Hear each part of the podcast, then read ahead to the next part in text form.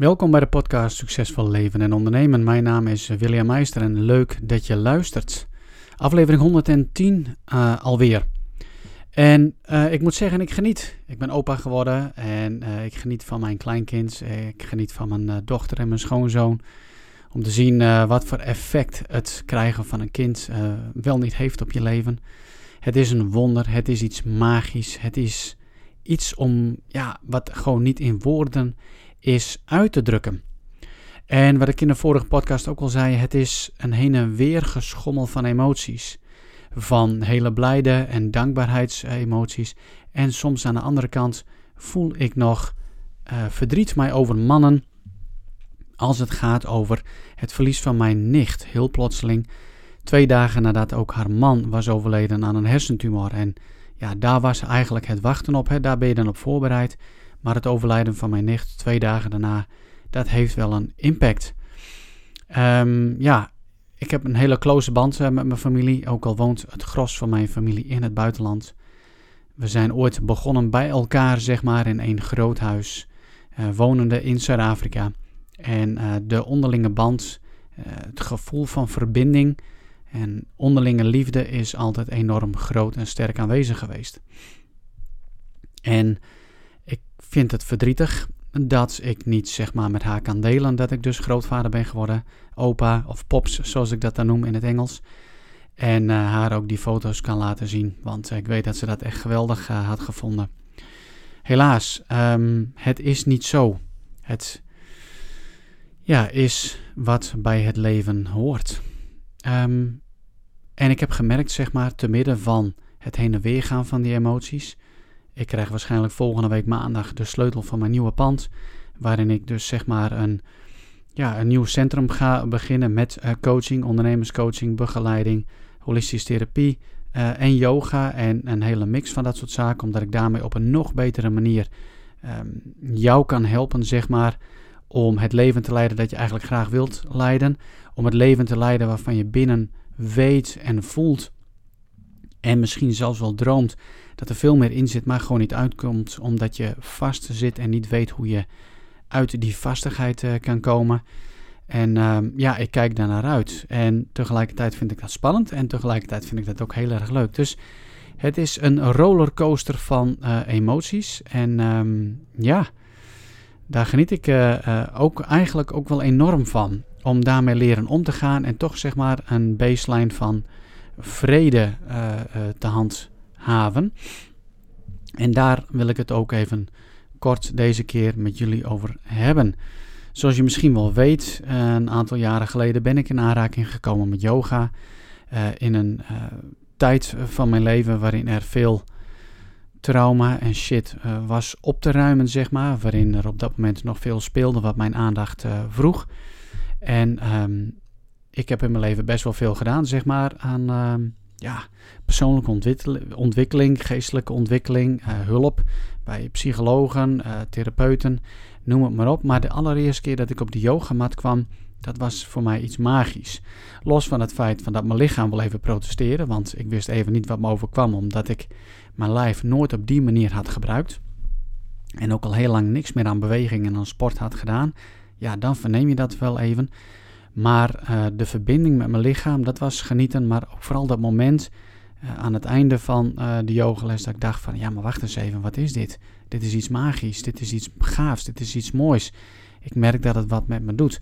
En zeker in de maanden en in de jaren daarna is het voor mij echt um, ja, onmisbaar in het leven. En, en brengt het zo'n verrijking. En zo staat yoga ook bekend. Je gaat op je yogamat, doe je een aantal oefeningen. Of zelf met misschien wel een YouTube uh, filmpje op. Of in de sportschool. Of in een yoga uh, studio. Met een docent die je daar doorheen begeleidt. Maar yoga is veel meer dan dat. Yoga en dan de, de beweging, de oefeningen, de houdingen, of ook wel de asana's genoemd, is slechts maar een klein onderdeel van de yoga-traditie en de yoga-filosofie. Yoga komt voort, zeg maar, uit de Vedische geschriften, de Vedische tradities. Um, Patanjali heeft ooit een prachtig mooi boek uh, daarover geschreven, de Yoga Sutras, waarmee yoga, zeg maar, duizenden jaren geleden op de kaart werd gezet. En, en zeker nu is het nog steeds uh, wijsheid vanuit de oudheid wat zo actueel is.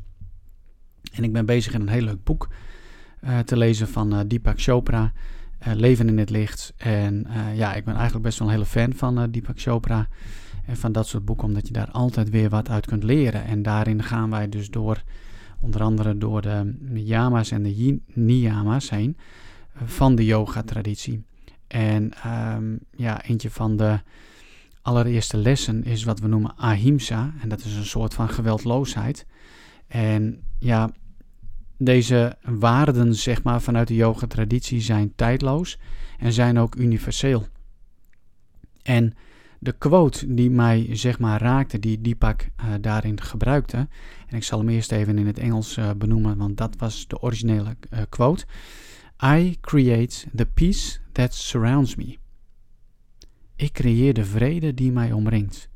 I create the peace that surrounds me. En dat is natuurlijk heel mooi, want uh, de zin begint heel duidelijk met de I, de ik, en dan het creëren. Jij creëert dus zelf de vrede die jou omringt. En ik zie eigenlijk alleen maar, en dan chargeer ik een beetje, om mij heen dat de vrede gezocht wordt. En dat de externe omstandigheid vrede moet gaan geven. De wijn die je drinkt aan het einde van de dag. De wijn die je misschien wel drinkt aan het einde van de avond. De seks die je beleeft om alleen maar, zeg maar, minder gespannen te zijn. Hetgeen wat je eet om de rust en vrede te vinden. Om iets van een gevoel te hebben van, oh ja, ik heb iets van comfort, ik heb iets van rust. Of eigenlijk ben je op dat moment op zoek naar vrede. Of naar heel veel sporten of naar juist adrenaline kicks. Nou, ga, ga zo maar door. En soms is de vrede ook lastig uh, te ervaren en te vinden, zeker in perioden van drukte. Dat je moet presteren op je werk. Dat je gezin aan het einde van de dag, als je binnenkomt stappen, ook nog heel veel van je vraagt.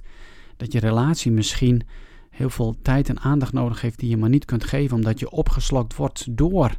Door vul, vul jij dat maar in, wat, wat het bij jou is in je leven. En om dan alle ballen in de lucht te houden en ook nog een gevoel van vrede te ervaren, dat is best wel een hele lastige. Tenminste, het kan een lastige zijn als je niet weet hoe je vrede om je heen kunt creëren. En je kunt wel vrede om je heen creëren, ik heb een heel gek voorbeeld. Ik herken dat wel uit, van mezelf. Hoe ik vrede om me heen wil creëren. Dat is namelijk het opruimen. Ik zit graag in een nette, opgeruimde, geordende omgeving. En een grappig voorbeeld is als ik ga douchen. En zeker als mijn uh, jongste dochter thuis is. En die heeft dan allerlei van die uh, potjes en crèmpjes en weet ik veel wat allemaal. Wat je allemaal wel niet in een douchecel kunt gebruiken. Maar goed, dat schijnt iets vrouw-eigen te zijn. Um, en dan ga ik douchen en dan heb ik twee vrouwen in huis, dus mijn vrouw en mijn jongste dochter. En dan staat die hele douche vol met uh, allerlei potjes en, en, en, tubes en weet ik van wat allemaal. En dan, dan word ik daar gewoon eventjes niet blij van. ik merk een bepaalde onrust, zeker aan het einde van een dag, als ik nog niet heb uh, geyogaat of gemediteerd. En ik ga dan eerst even lekker douchen. Nou, dan um, ga ik eerst die douchecel opruimen. En dan gooi ik heel veel er weer uit en leg ik dat op een andere plek neer. En dan die, dat wat er staat, dat leg ik dan netjes naast elkaar. Kijk, wat ik op dat moment probeer, is rust en vrede te gaan ervaren van binnen door mijn omstandigheden te beïnvloeden. En het helpt wel ietsjes, want als ik het niet doe, dan is, is daar een onrust. Maar als ik heel eerlijk ben, dan zit de onrust, de onvrede zit in mij. Dat zit niet in de buitenkant. En um, dus het zoeken naar vrede, naar rust in jouw uiterlijke omgeving, ja, dat is vaak zinloos en verslavend. Want je denkt iedere keer daarmee je vrede te krijgen. En op een gegeven moment kun je daar ook weer niet genoeg van krijgen. Ik bedoel, kijk maar gewoon om je heen. Uh, als het gaat over de toename van verslaving, als het gaat om eten, drinken, seks, gokken, ga zo maar door. Um, dus je moet zijn bij jezelf, bij je van binnen. En yoga en meditatie is enorm effectief om de vrede te gaan leren ervaren. Mindful, mindfulness oefeningen ook. Maar ook bijvoorbeeld, wat ik vorige week uh, dan deed, dan zag ik van wauw, de zon schijnt, het is prachtig mooi weer. Ik kijk naar mijn mooie hondje James en ik denk van weet je wat, wij gaan eruit, we gaan de natuur in. En gelukkig hebben wij mooie natuur, zeg maar in de omgeving waar ik woon. En ik neem mijn hondje mee en we gaan heerlijk anderhalf uur wandelen. En genieten van de natuur. Ik geniet van zijn aanwezigheid. En ik ga naar zo'n losloopgebied langs een uh, riviertje. Prachtig mooi. De zon voel ik op mijn huid branden. En uh, ik merk dat ik daardoor zeg maar vrede creëer aan mijn binnenkant. Het geeft je tijd en aandacht zeg maar om je gedachten te ordenen en dat gaat als het ware gewoon vanzelf. Je bent dan even op een andere manier bezig om rust en vrede te ervaren in je leven. Of ga naar een bos. Je zult verbaasd staan wat een half uur uh, wandelen in een bos voor je doet. Zonder dat je ook maar enige moeite hoeft te doen, zorgt die omgeving zeg maar voor uh, innerlijke vrede. Dus dan creëer je niet aan de buitenkant uh, vrede. Nee, je zoekt iets op wat jou ondersteunt om jouw innerlijke vrede te creëren. Nou, dat kan misschien ook wel een boek lezen zijn. Kan muziek luisteren zijn, rustgevende muziek. Nou, dan weer even terug naar Ahimsa, wat staat voor geweldloosheid. Uh, dat begint dus altijd bij jezelf. Zoals elke verandering in het leven begint bij jezelf, is ook dit zeg maar een verandering die begint bij jezelf. Eerste bewustwording van, hey, zijn er aspecten in mijn leven waarbij ik dus heel erg buiten mijzelf de vrede probeer te vinden of misschien een aantal zaken in mijn leven probeer te verdoven. Om de prikkels uh, af te laten nemen door bijvoorbeeld alcohol of, of whatever. Vul het maar in. En een ander iets is, is dat um, de vrede creëren vanuit jouw innerlijke begint ook met de taal die je gebruikt. Hoe omschrijf je de situatie waar je in zit? Hoe omschrijf je de dingen die plaatsvinden in je leven, die er gebeuren? Heb jij een taalgebruik van dat je de zaken, zeg maar, um, om het maar even zo, zo zegt, overdrijft, zwaarder maakt dan dat het is, om daarmee een bepaalde aandacht uh, te krijgen? Of om misschien zelfs wel, en daar ben ik maar heel open en eerlijk om, zelf medelijden te, uh, te creëren? Of whatever. De taal die je gebruikt en die je bezigt is essentieel. Dat, dat zie je ook terug, zeg maar, als het gaat over het manifesteren van je verlangens, van je dromen en van je wensen, is taal heel belangrijk. Ben jij een persoon waarbij het glas altijd half vol is, of is die half leeg? Als die half vol is, dan zul je ook merken dat taal uh, anders is ten opzichte van iemand waarbij het glas half leeg is. Ik reed met uh, een aantal klasgenoten naar een opleidingsdag toe voor mijn opleiding tot holistisch therapeut. En hij, um, we kregen het over het parkeren. Nou, in principe zijn er maar een paar parkeerplaatsen om het centrum heen. En dan moet je verderop gaan parkeren en een stukje lopen enzovoort. En uh, ik zat achterin en de bestuurder en nog een andere klasgenoot die ging, hadden het daarover. Van nou, je kunt ook daar en daar parkeren, dan kunnen we een stuk lopen. En toen zei ik ook vanuit achteruit uh, de auto, ik zei, maar we kunnen ook zeggen van dat er voor ons gewoon een parkeerplaats is. Er is parkeerplaats voor ons. Dus ze daarin ook getriggerd en uitgedaagd van, joh, ga dan zo eens uh, het uitspreken dat het er is. En ook dat is een voorbeeld van hoe gebruik ik en bezig mijn taal. En we kwamen daaraan en natuurlijk was er een parkeerplaats. Sterker nog, er waren zelfs drie voor ons. Nou, niet dat we die nodig hadden. Maar ik, als ik dan terugkijk naar het verleden, hoe ik dan was, dan was bijvoorbeeld mijn vrouw die me daarin vaak verbeterde. Als we naar een meubelboulevard gingen of naar de winkel, dan uh, zat ik achter het stuur en dan zei ik bijvoorbeeld, nou, er zal wel geen parkeerplaats voor ons zijn. Nou, als ze me daar niet op corrigeerden, dan kreeg ik ook wat ik zei, hè? want ik geloof dat je altijd gelijk hebt en dat woorden ook daadwerkelijk scheppingskracht hebben. Daarmee creëer je dus ook een werkelijkheid. Dus de taal die je bezigt, die je gebruikt, is belangrijk om daar ook van bewust te zijn, om te kijken van gebruik ik taal die onvrede, onrust uh, creëert. Dus taal van het is goed, uh, het blijft goed, um, taal van dankbaarheid en, enzovoort.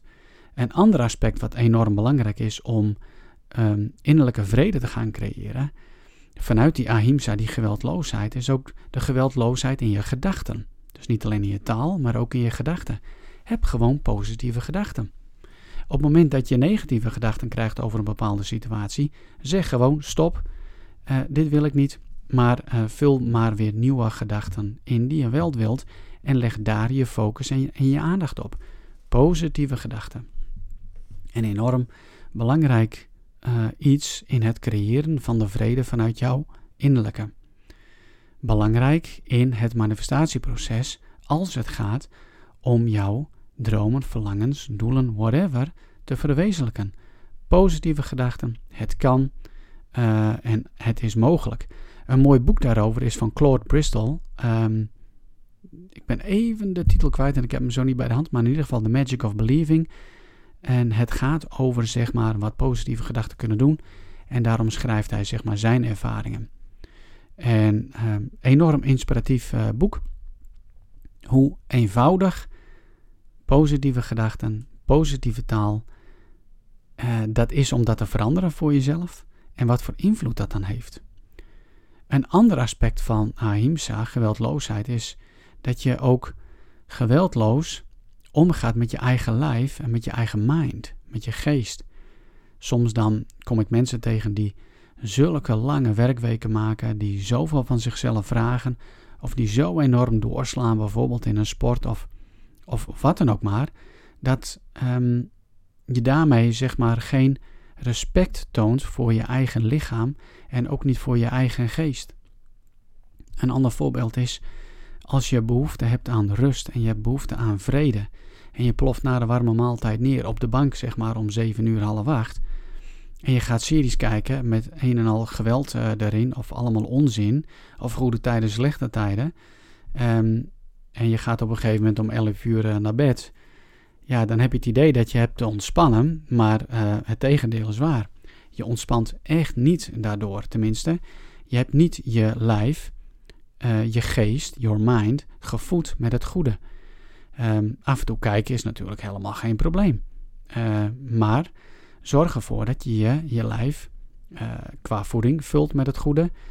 zorg dat je lichaam beweging krijgt. Maar zorg ook dat je geest uitgedaagd wordt met het goede.